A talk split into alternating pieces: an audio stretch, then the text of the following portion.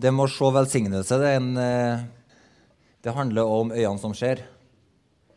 Noen står opp på denne dagen og ser en eh, grå himmel. Og noen står opp på denne dagen og ser vakre fjell svøpt i dust lys. I går så fant jeg en sånn velsignelse fra Herren. Fordi at jeg hadde reist fra lua mi. Men, og det skjønte jeg når jeg satte meg i bilen og hadde kjørt 300 meter fra huset, så kom jeg på nei, jeg har kjørt fra lua mi. Så tenkte jeg nei, jeg orker ikke å snu. Men så, når jeg kom på rommet, så åpna jeg skapet, og der lå det ei lue. Tydeligvis en konfirmant har lagt igjen. Og den passa helt perfekt til meg. Og så var den òg veldig kul. Så jeg hadde på meg den lua i går, og alle tenkte sikkert, dere tenkte sikkert oi, det var en fin lue overalt på seg. Og Antagelig så tenkte ikke dere over det, for den passa meg så godt. Så det var som jeg kunne ha kjøpt den sjøl. Så de fleste de har kanskje tenkt at nei, for så dumt at uh, det var ei lue i skapet mitt. Mange kunne ha tenkt det, ikke de fleste sikkert, men noen kunne ha tenkt det. Men så går det an å tenke hei, Herren har velsigna meg med ei lusefri lue.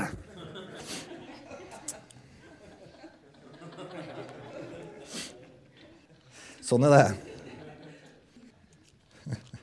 Jeg var, En gang på nyttårsaften så var jeg i Amsterdam. Og der eh, var, som det, var på hovedgata i Amsterdam, og så eh, nede i gata der så sto det ei dame og sang sanger for Jesus. Så, så, var, så, vi begynte å prate med hun og tenkte ja, nei, det er jo en kjempetri, den, delen av historien er veldig trist. Hvorfor hun sto og sang sanger for Jesus? Nei, Nei, det var fordi at var, For noen år siden så hadde hun gjort noe fryktelig galt, så hun følte hun måtte gjøre godt for det. Så hun sto kveld etter kveld og sang på gata. Så jeg tenkte oi, det var en motivasjon for å stå og synge. Men det var gode sanger. også. Det var ingenting med det, det var bare gode sanger. Men det var grunnen var at hun hadde så forferdelig samvittighet. Så det er jo trist. Men så, så når vi sto og prata med henne, så kom det en, annen, en mann forbi. Og han, eh, han, var litt sånn kristen og litt hindu og litt alt. Og Gud var overalt. og og, så, og Gud velsigner meg overalt, og så snur han seg sånn her. Og så på veien så, Han tar en piruett. Så vi står her og prater, og så tar han en piruett. Og så, på veien så tar han med seg ei vinflaske.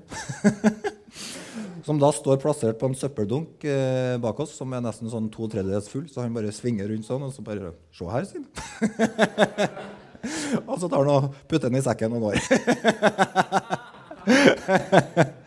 så, så, det, så, hvis man har øynene åpne, så er det masse velsignelse som du kan ta imot med takk.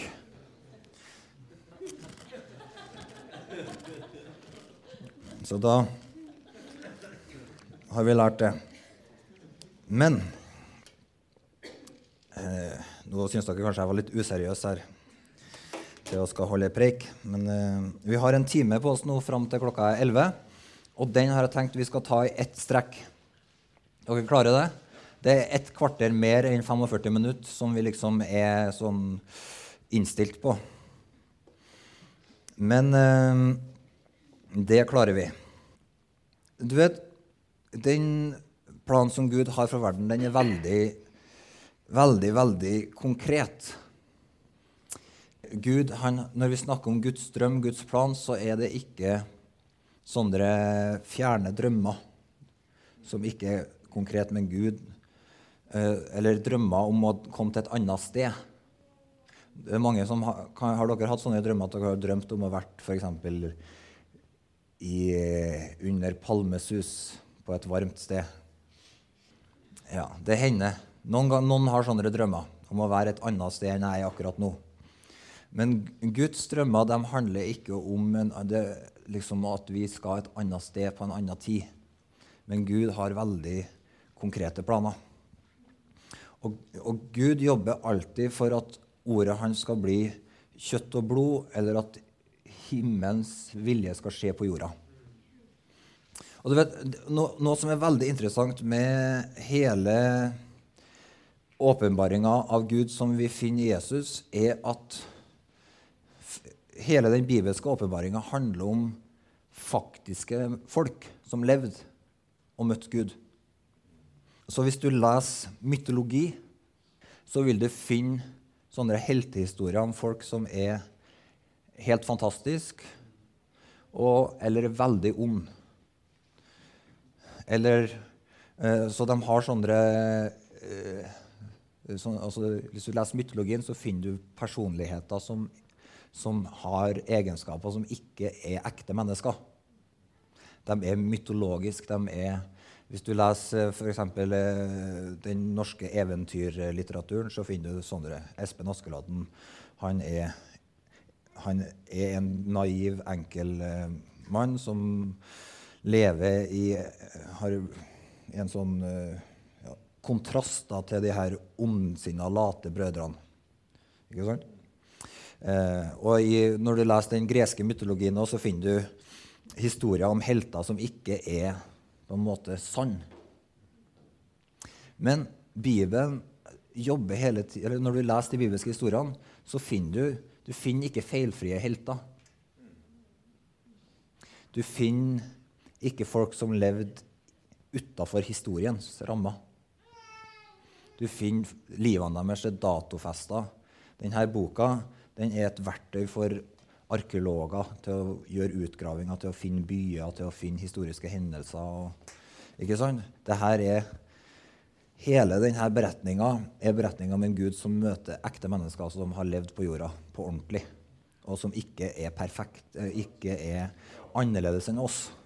Og En av styrkene med å blant annet lese Guds ord er at helt tilbake til urhistorien, sånn som Abraham og Sara, og helt tilbake til flere tusen år siden, nesten kanskje før skriftlig tid, så finner du beretninger om mennesker som vi kan kjenne oss igjen i. Fordi at de er mennesker sånn som oss. De har svakheter, de har utfordringer, de har øh, De er rett og slett eh, mennesker på godt og vondt. Og det, det er veldig interessant, for det, det forteller oss at Gud holder på med ekte mennesker i, en, i historien. Eh, og hans plan handler ikke om å ta ekte mennesker ut av historien til et annet sted. Men hans plan er at han holder på å formidle inn i verden sitt liv. Eh, og det er òg Fremtidshåpet vårt er også, handler òg om ekte hendelser. Når vi snakker om at Jesus skal komme tilbake, så er ikke det heller en sånn mytologisk hendelse. Men eh, Det er ikke noe som vi bare tror skal skje nesten på en sånn drømmeaktig måte, men det er noe som vi tror er veldig konkret.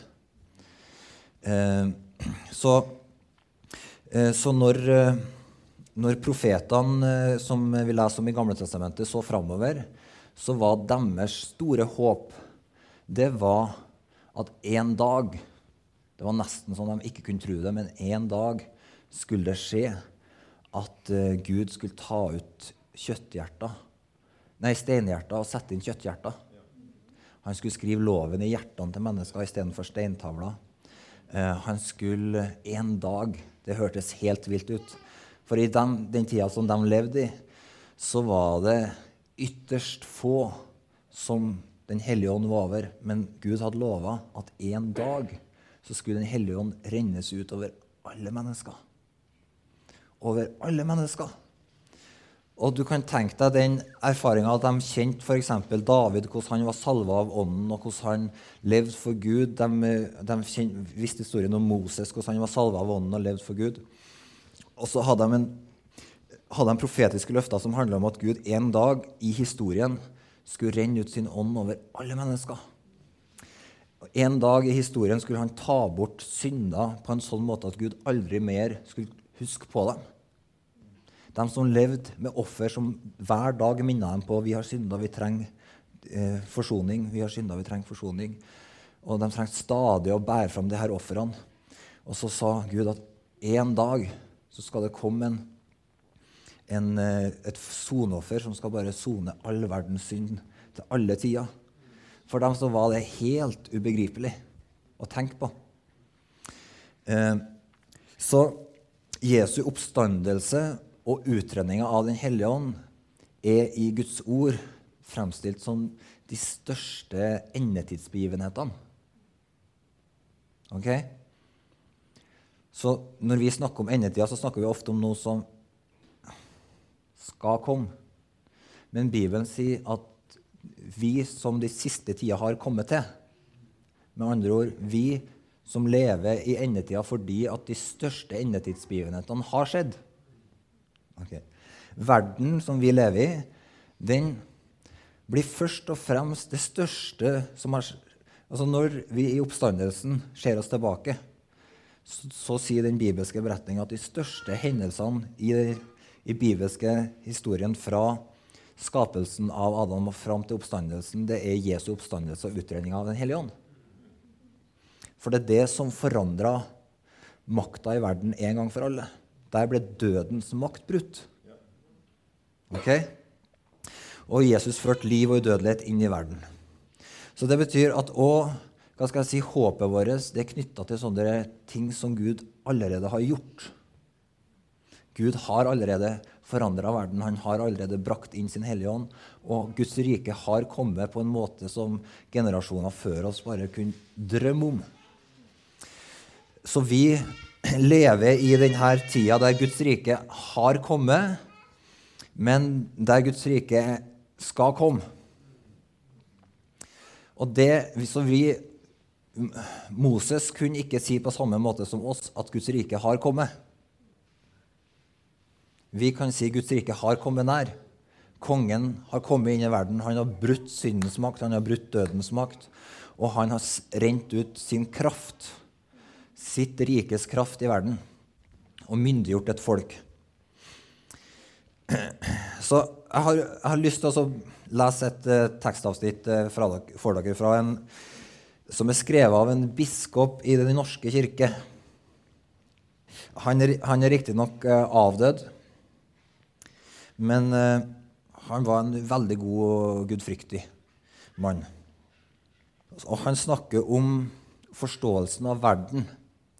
Fordi at uh, Bibelen at, uh, har mange sånne uttrykk om at Sånn som f.eks. at den kommende verden Har dere hørt det uttrykket? Det møter du av og til i Bibelen. Men i, i Bibelen så er det to ord som beskriver verden. Det ene ordet i Nytestamentet da, det ene ordet det er kosmos. Og det er en beskrivelse av det skapte fysiske universet. Jorda. Verden. Og det andre ordet for verden, det er aion. Og det uttrykket kan oversettes tidsalder. Så når Jesus sier til oss dere er ikke av denne verden, så sier han ikke, dere ikke av denne, da sier han ikke at vi ikke er av kosmos, men han sier dere ikke, er ikke av denne aion, ikke av denne tidsalder. Ok? Vi er ikke en del av denne eh, tidsalderen som er prega av opprør mot Gud. Så den tidsalder, eller den verden, skal en gang forgå. Ok? Så jeg har lyst til å lese til dere hva han her biskopen skriver om de her to tidsaldre. For bedre å forstå Dette er et, et litt lengre avsnitt, så nå må du følge nøye med. Og hvis du ikke henger med helt, så henger du med på litt. Men hør her. For bedre å forstå den bibelske frelsesplan bør vi kjenne til at Guds ord tenker den realisert gjennom tidsaldre eller verdenstider. Den jødiske Apokalyptikk, det er altså fortellinga om de siste ting, taler om den nåværende tidsalder og den kommende tidsalder. Den sier at Gud har skapt to tidsaldere. Og så siterer han den jødiske skrifta, som ikke fins i Bibelen. Men eh, så sier han den høyeste har skapt ikke én tidsalder, men to. 4. Esra 750. Disse to tidsaldrene står i spenningsforhold til hverandre. Den kommende tidsalders frembrudd betyr denne tidsalders avvikling. Ok? Men det er ikke tale om en spenning mellom en nærværende materiell og timelig verden og en høyere åndelig og evig verden. Ok? Så det han sier, det er ikke et motsetningsforhold i Bibelen mellom den fysiske, synlige, skapte verden og den åndelige, virkeligheten. Når Bibelen snakker om den verden som skal forgå, og den verden som kommer, så er det ikke en åndelig verden som skal komme og erstatte den fysiske, men det er en ny tidsalder som skal komme og erstatte den nåværende tidsalderen. Ok? Uh, slik var det i Israels omverden, denne spenninga mellom en uh, materiell og en åndelig verden. Nei, motsetninga lå på et religiøst og etisk plan. Det var tale om en motsetning mellom en tidsalder som er prega av opprøret mot Guds kongevelde, eh, og en framtid som er bestemt av at Gud har blitt konge. Det er Guds kongeveldes seier som gjør alle ting ny. Guds nærvær er det som kvalifiserer den kommende tidsalder, så den blir full av evig liv. Den kommende verden er først og fremst oppstandelsens tidsalder. Denne forståelsen av Guds frelsesplan som noe som realiserer seg i tidsaldre som følger på hverandre, fikk store konsekvenser for historieforståelsen i Israel. Eh, så det er for, dem, for Israel da, hele tiden tale om en frelse som kommer der framme i tiden, og ikke en frelse der oppe i en høyere verden. Den kommende verden kommer i fortsettelsen av den nåværende verden, for så vidt som den innebærer nei, en fornyelse av den nåværende skapningen. Gud skaper helt nye tilstander på jorden ved at de to tidsaldere avløser hverandre. Så hvis dere henger med nå, så er dere gode. Så, så jeg, men, jeg, men, men det, her veldig, det, her er veldig, viktig, fordi at det her møter en del sånne tankebygninger hos oss. Og så siterer han en del bibelvers. Og så sier han eh, Vi ser i NT at Jesus og apostlene har overtatt denne tidsaldertanken. Begrepet aion, tidsalder, verdenstid, den forekommer mange ganger, men det er alltid i vår bibel oversatt med verden. Mange får derfor ikke se hvordan verden da har betydningen tidsalder eller verdenstid. Jesus taler noen steder om verdens ende. På disse stedene bruker han aion, og det er ikke verdens undergang Jesus taler om, men denne tidsalder sin ende. Jesus taler eh, om denne tidsalder og, denne, om, og, den kommende tidsalder. Han sier den som taler mot Den hellige ånd, skal ikke få tilgivelse verken i denne verden eh, eller tid eller i den kommende. På samme måte i Lukas 20. I denne verden tidsalder tar det til ekte og tas til ekte, men de som blir funnet verdige til å komme med i den kommende verden, altså i den kommende tidsalder, ikke en annen verden, eh, og oppstandelsen fra de døde, de tar ikke til ekte og tas ikke til ekte. Jesus taler om denne verden, eller tidsalders barn. Det vi som disipler har gitt avkall på, skal vi få hundre ganger igjen her i tiden og i den kommende verden, eller da tidsalder, evig liv. Jesus vet at han skal bringe hit den kommende verden, men det særpregede for Jesus er at tanken om den kommende tidsalder det er underordna hans tale om Guds rike. Guds rike er det som skal revolusjonere alle ting og føre fram den nye tidsalder, eller den nye verden. Så Paulus han bruker den samme talemåten. Flere ganger taler han om den nåværende verden og tidsalder. Jesus har gitt seg i døden for å fri oss ut fra den nåværende onde verden, tidsalder. Jesus er opphøya over alle navn som kan nevnes, ikke bare i denne verden, altså tidsalder, men også i den kommende. Han formaner til å ikke la seg prege av den nåværende verden, dvs. Si den nåværende tidsalder. Og Hebreerbrevets forfatter sier at den kommende verden eller den kommende tidsalder er underlagt Jesus. Han sier her at det stående emnet som de taler om i menigheten, er den kommende verden. De troende har allerede smakt den kommende verden eller tidsalders krefter.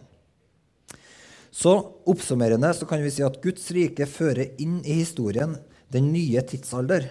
Og det er viktig at vi også gjennom Bibelens tidsaldertenkning forstår at det er tale om en forløsning i tidens dimensjon og ikke i en høyere verden i rommets dimensjon. Sagt med andre ord Gud skal gjøre noen ting i historien. I historien om vår verden, i historien om våre liv. Ikke ta oss ut av historien.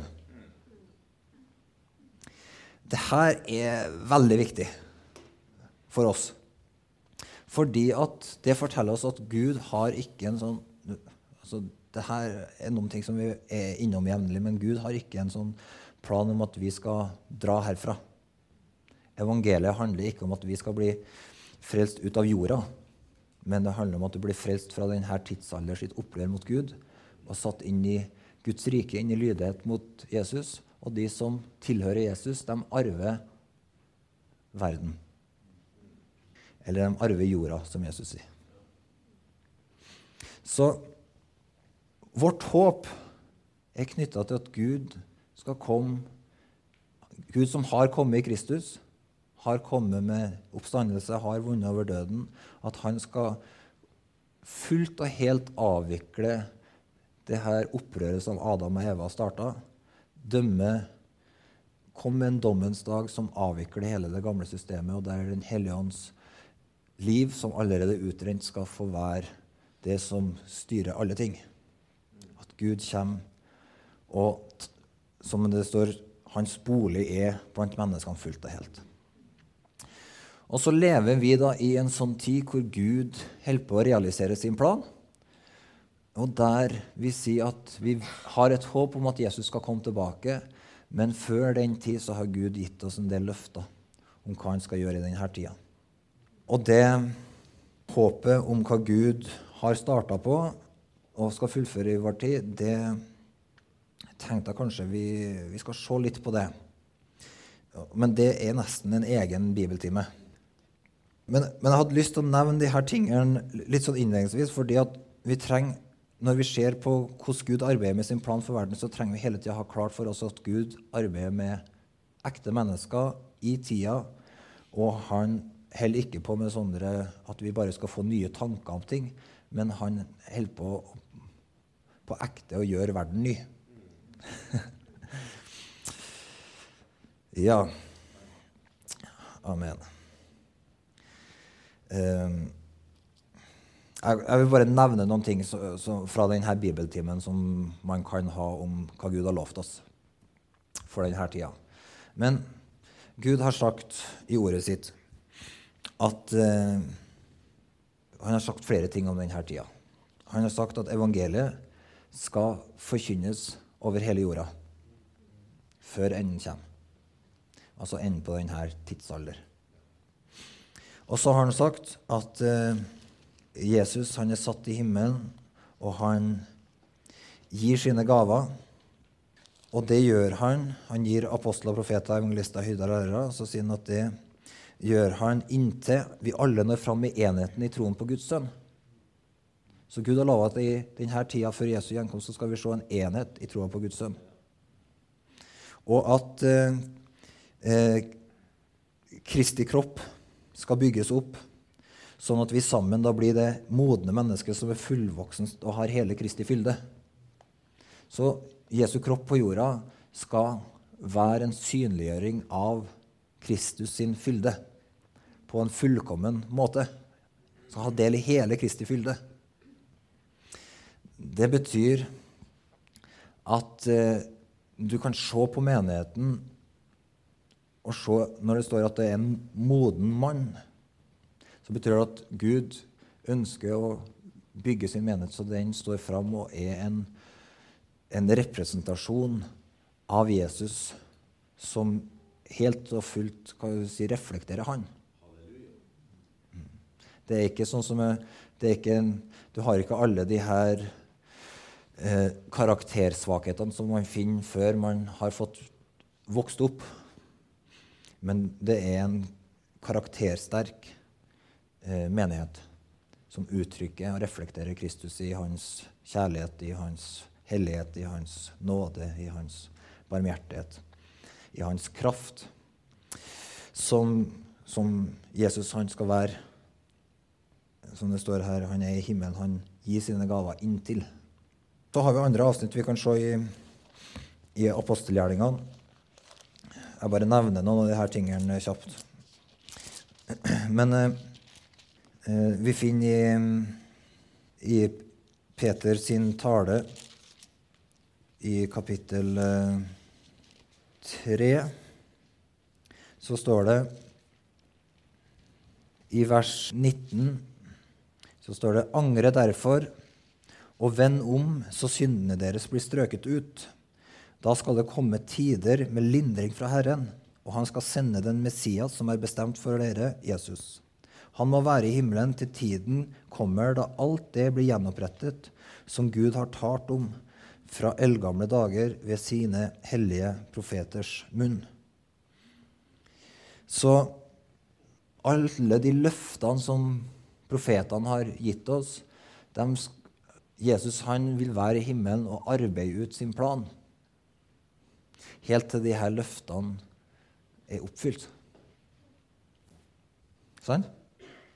Han skal være i himmelen til, til tida kommer da alt er blitt gjennombretta som Gud har talt om fra eldgamle dager ved de hellige profeters munn. Så Det betyr at det er noen mektige løfter knytta til denne tida fram mot Jesu komme, som handler om at Jesus er i himmelen. Han har rent ut sin hånd, han sitter som konge og styrer. Og han bygger sitt hus, han utbrer sitt rike. Eh, og det er det noen voldsomme løfter knytta til. Eh, ja.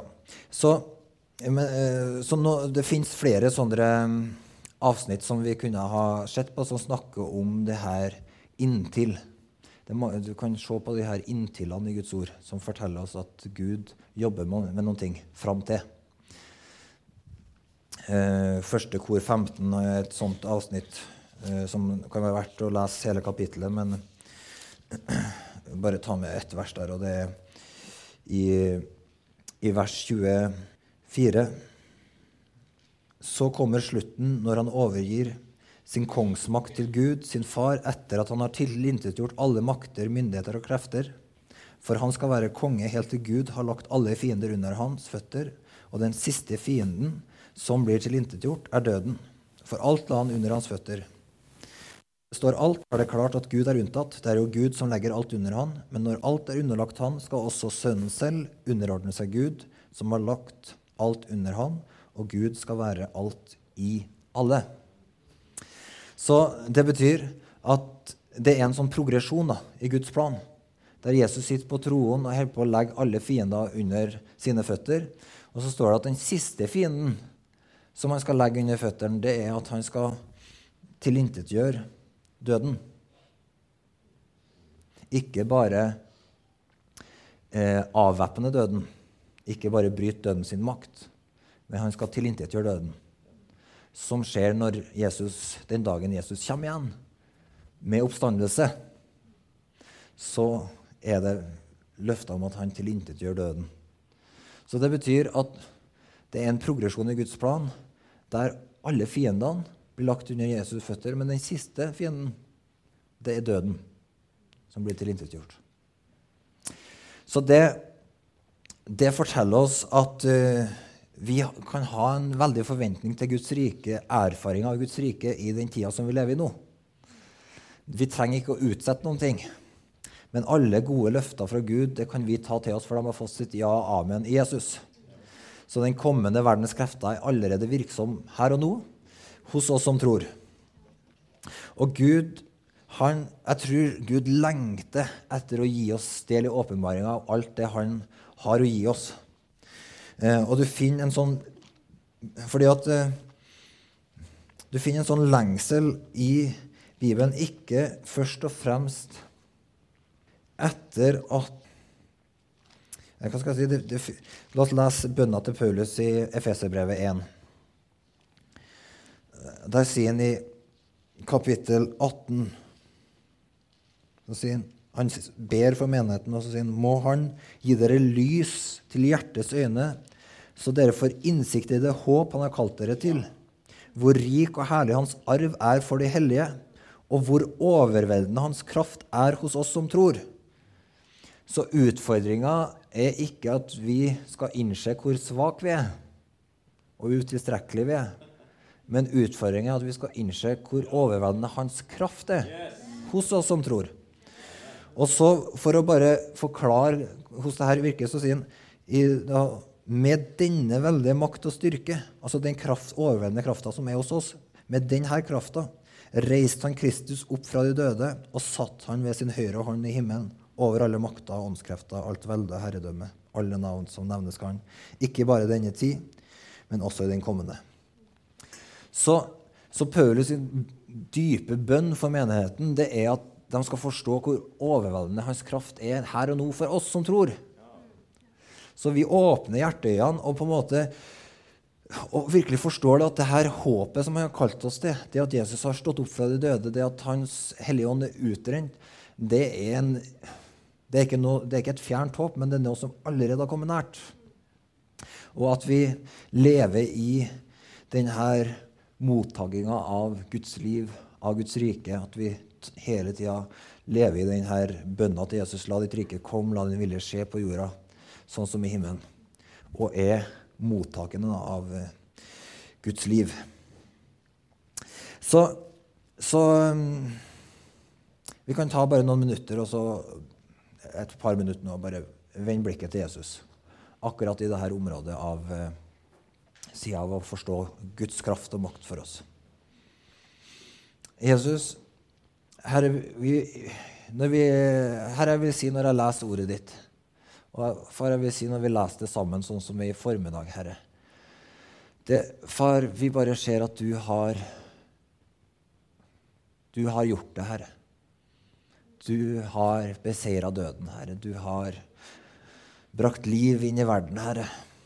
Far, du har utøst Ved Sønnen så har du utøst din ånd. Og far, jeg ber om at vi som er her, at vi ikke skal leve ut av våre egne ressurser, Herre. Men at vi skal få være sånne som åpner hjertets øyne Herre, og ser det som du har gitt oss, Herre. Her er håpet, arven, Herre. Her er kraften som reiste Jesus fra de døde, Herre, som er virksom hos oss som tror, Herre. Jesus.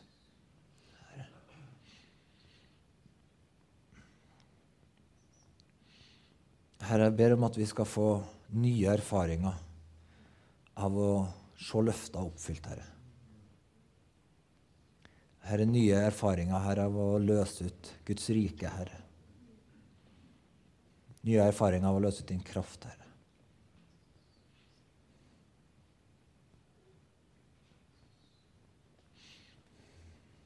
Far, jeg takker deg for at du elsker denne verden.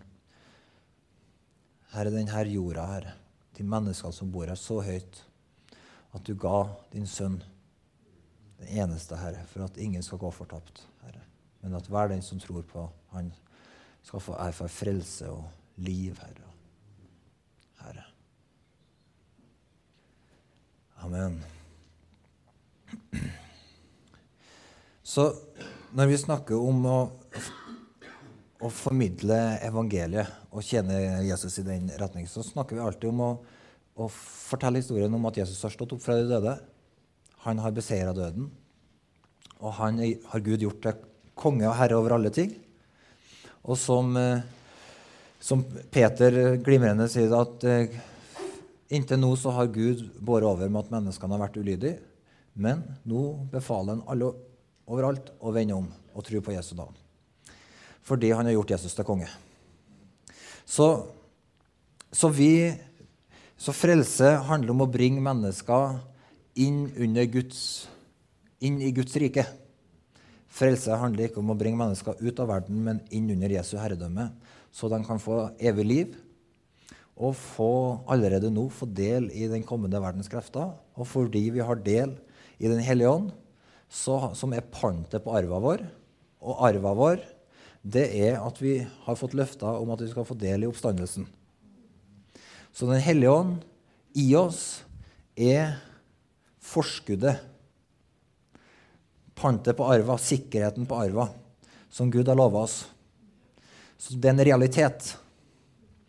Den hellige ånds liv er en realitet som Gud har gitt oss for at vi skal vite det kommer mer av det samme. Og Gud, han han har sagt at håpet vårt det er ikke at sjelen vår skal settes fri fra kroppen, men håpet vårt er at kroppen vår skal bli full av oppstandelsesliv. Det er veldig bra. Så det betyr kropp er topp. Og Forson deg med kroppen din. Vær glad i deg sjøl. Det kan hende at du kjenner på svakheter i kroppen din. Gud skal gi denne kroppen udødelig liv. Så Det betyr at de her svakhetene som du kjenner på, dem har Gud tenkt å gi et skikkelig dødsstøtt. Han skal gi kroppen din oppstandelsesliv. Men når Jesus sto opp fra grava, så sa han til Thomas, 'Kom og legg hendene dine i sårene mine.' 'Kom og se sida mi.' Så Jesus sto opp med en kropp som var gjenkjennelig, sjøl om den kroppen som han, Gud ga han i oppstandelsen, den har helt tydelig med seg en del andre trekk enn denne kroppen, så er det den samme kroppen. Og det tenker jeg, Så det betyr forson deg med deg sjøl. Gud har skapt deg fantastisk, og han har en evighetsplan for kroppen din. Ta godt vare på den. Den er et tempel for Den hellige ånd. Og så skal jeg fortelle deg en hemmelighet. At Bibelen sammenligner kroppen din med et frø som blir lagt i jorda. Og i oppstandelsen så er det akkurat som om det her frøet det får den skikkelsen som den planten som kommer fra frøet, skal ha. Alt i planten ligger i frøet. Så det er noen sider av oppstandelseslivet her som er litt vanskelig å forstå. På ene sida kunne du kjenne igjen kroppen til Jesus, men på andre eh, sida så er det som et frø som har i seg en plante. Det er billedlig talt, altså.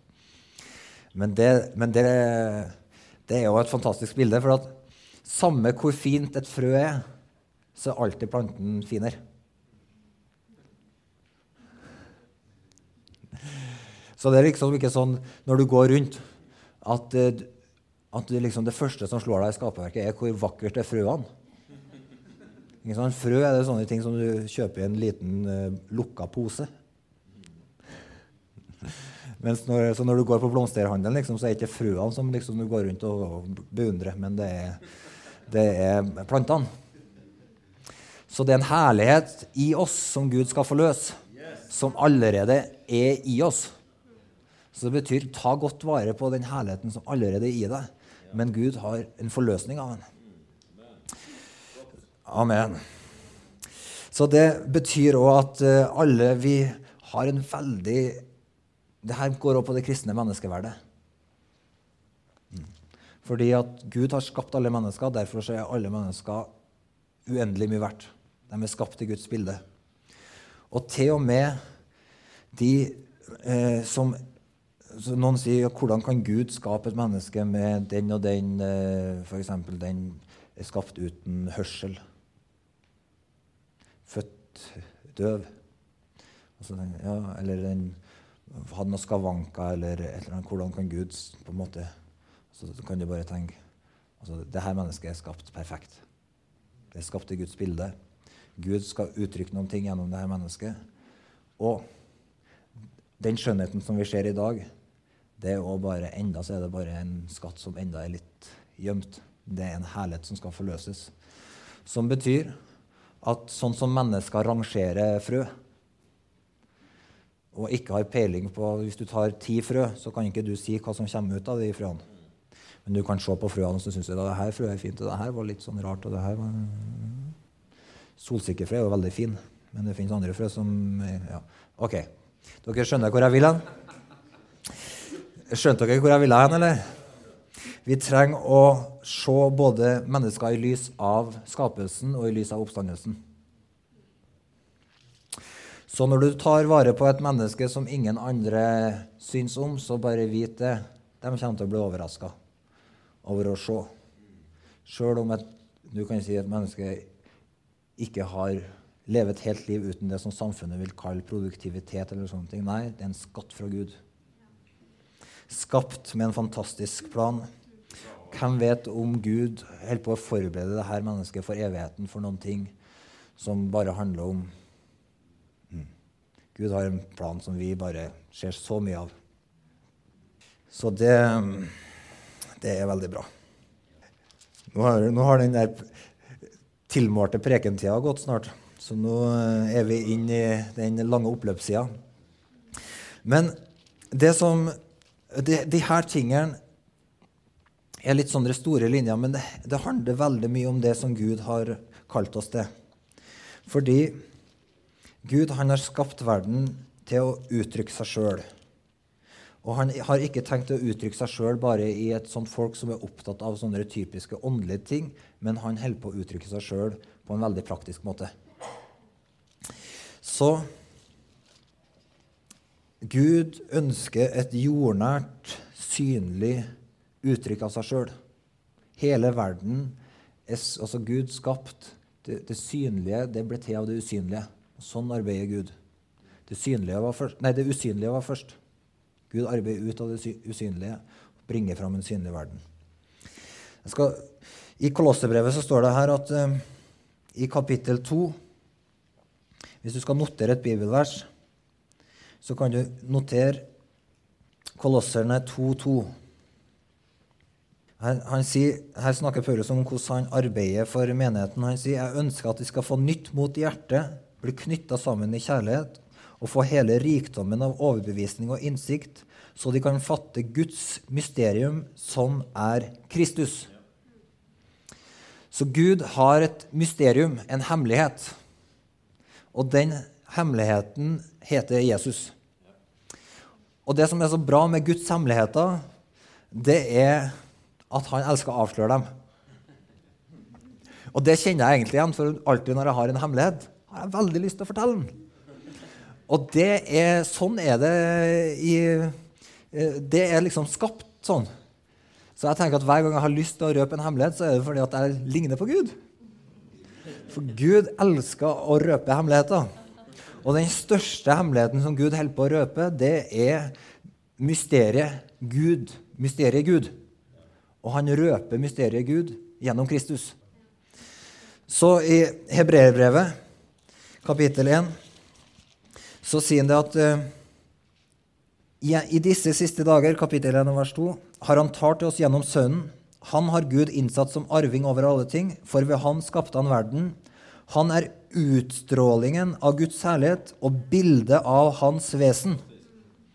Så Jesus er synliggjøringa av den usynlige Gud. Så Gud er en usynlig Gud som vi ikke kan se. Men han sendte Jesus som en synliggjøring, et uttrykk, et bilde av seg sjøl. Altså, det var en gigantisk avsløring av hemmeligheten. Ok? Han røpa den i Kristus. Og han fortsetter å røpe den i Kristus. Så du har kanskje merka det at du har sett Når du ble frelst, så begynte du å se Jesus. Men du ser bare mer og mer av han. Og alt du, nytt du ser av Jesus, det er noen nye ting som du egentlig ser ved den usynlige Gud.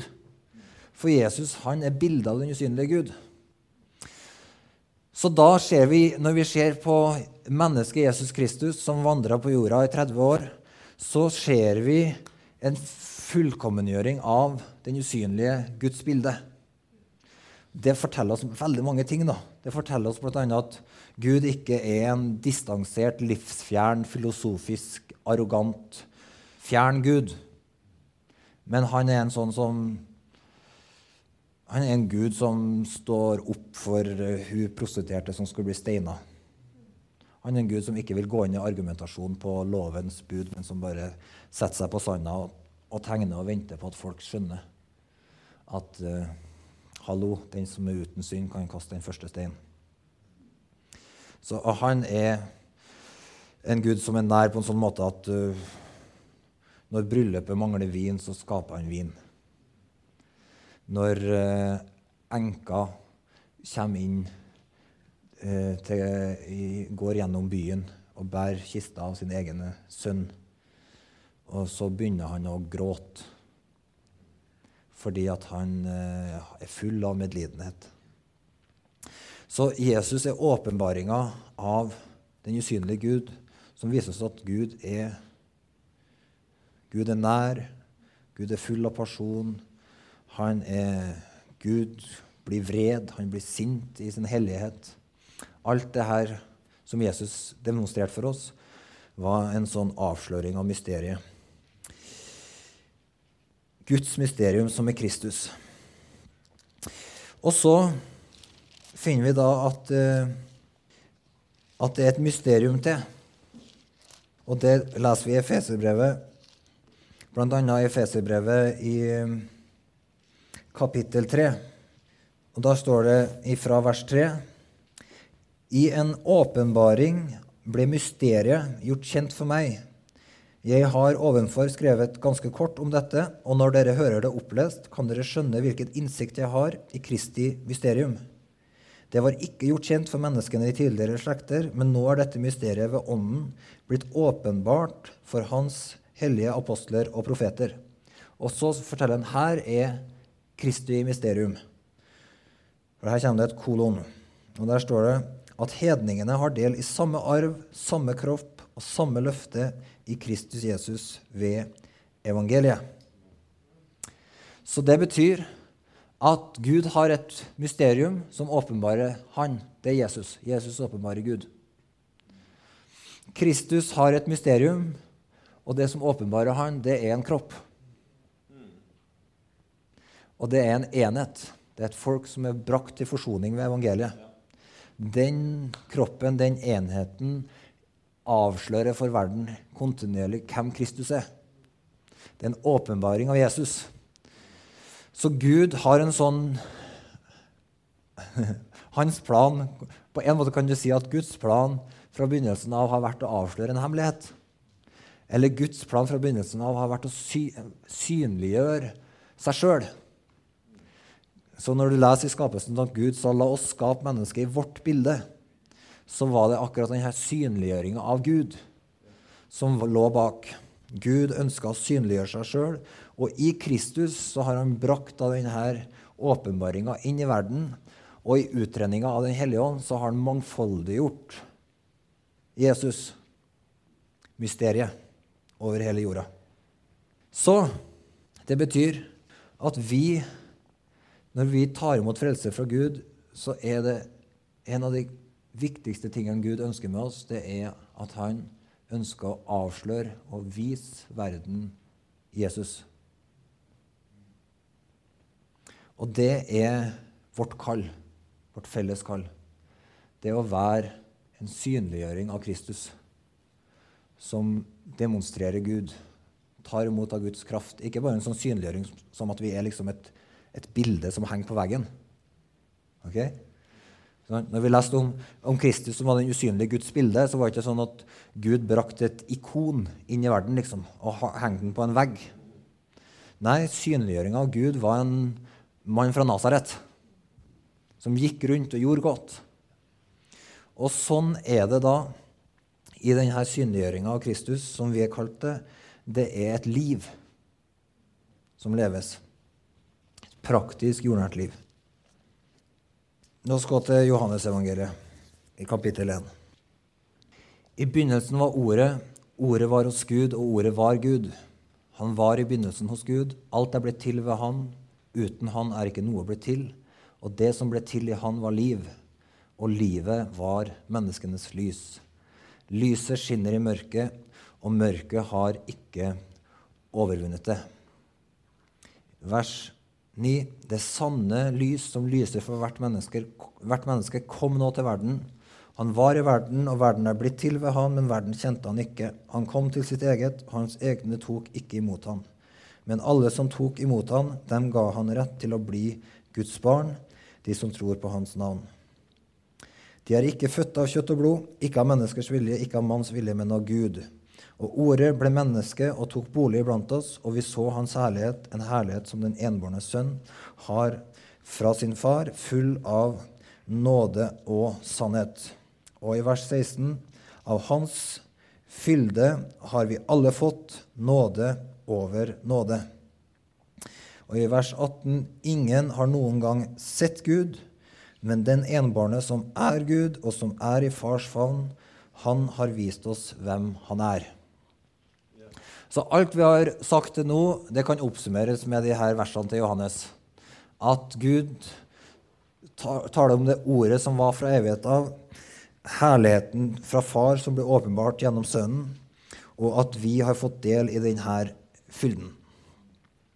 Så, så alltid da når vi, når vi på en måte snakker om vårt eget kall, så er det alltid kobla til de her litt sånne store linjene i Guds plan.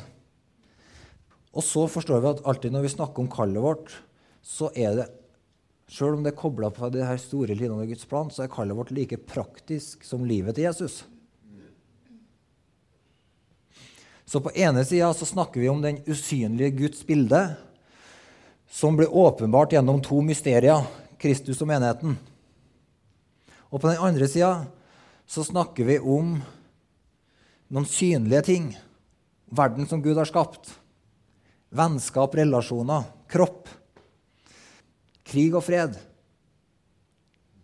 Ekteskap. Menneskeverd. Alt det her er midt i det Gud jobber med i Kristus. Dette er viktige ting for Gud. Så, så når da pinsedag kommer og Den hellige ånd blir rent ut, så får det her livet, evige livet fra Gud et veldig, veldig praktisk og jordnært uttrykk. Så jo mer du ser da, av de store linjene av Guds plan, så skjønner du at det som Gud har kalt oss til, er ikke noe sånn livsfjernt. Men det er veldig, veldig praktisk. I apostelgjerningene det her Versene i apostelgjerningene kapittel 2 fra vers 42 til 47 det er noe av det pulsslaget som Gud har kalt oss til å leve i. Som er det første beskrivelsen i Guds ord av menighetsliv. Her står det De som ble frelst, de holdt seg trofast til apostlenes lære og fellesskapet til brødsbrytelsen og bønnene. Hver og en ble grepet av ærefrykt, og mange under og tegn ble gjort av apostlene. Alle de troende holdt sammen og hadde alt felles.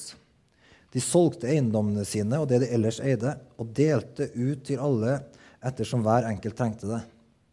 Her, her, møter du en kjærlighet som ikke er sånn 'Jeg elsker deg i Kristus. Amen. Gå bort og gjør ditt beste.'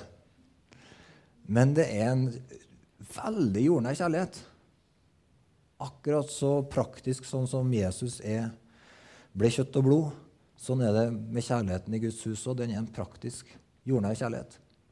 Det er flyttelass. Det er mat på bordet. Det er fellesskap gjennom eh, utfordrende perioder.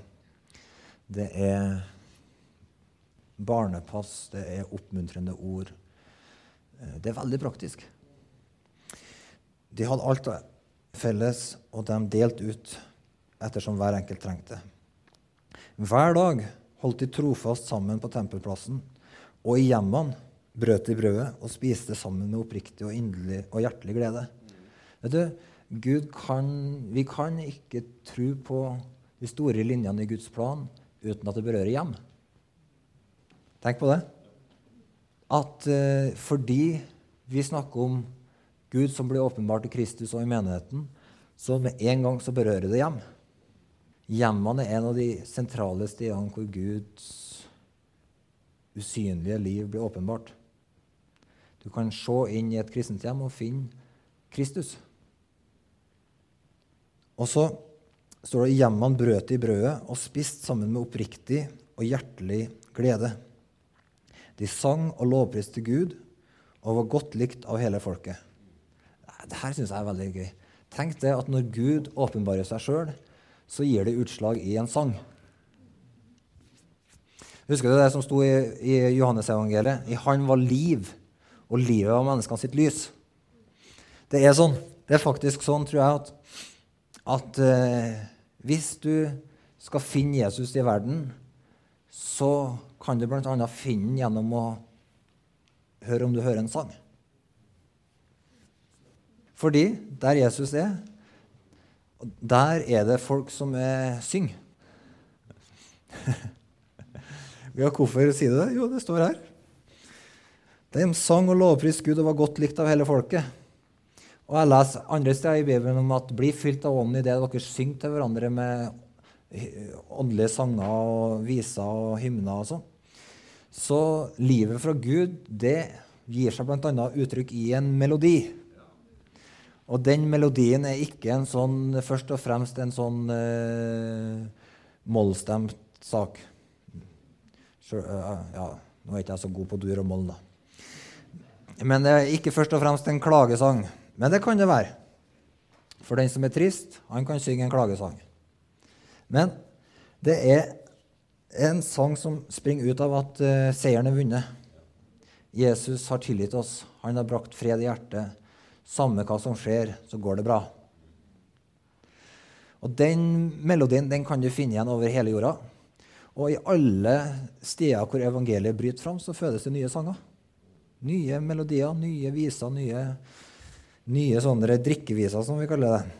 Fordi at du drikker Når du bruker dem, så drikker du av Den hellige ånd. Så, så de sang og lovpriste Gud og var godt likt av hele folket, og hver dag la Herren til nye som lot seg frelse.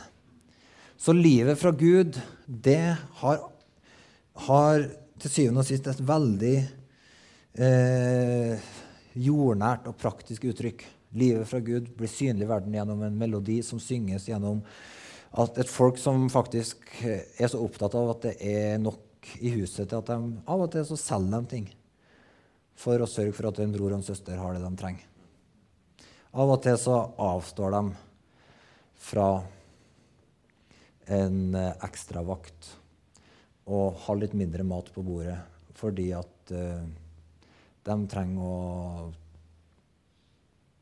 backe opp en familie som trenger litt ekstra backing. Av og til så tar de seg ekstra vakt og dedikerer den til den, kanskje den samme familien som trenger litt ekstra backing. Det er et veldig sånn praktisk uttrykk. Og den kjærligheten fra Gud driver oss hele tida ikke bare til å bli sånne livsfjerne mennesker, men til å ha et, ha et liv som henger sammen da med i alt det her praktiske. Så når vi ser Guds store plan, så blir vi opptatt av å se at Jesus blir uttrykt i kjøtt og blod. Og da eh, Da er òg oppdraget som Jesus har gitt oss i Matteus 28, veldig enkelt å forstå.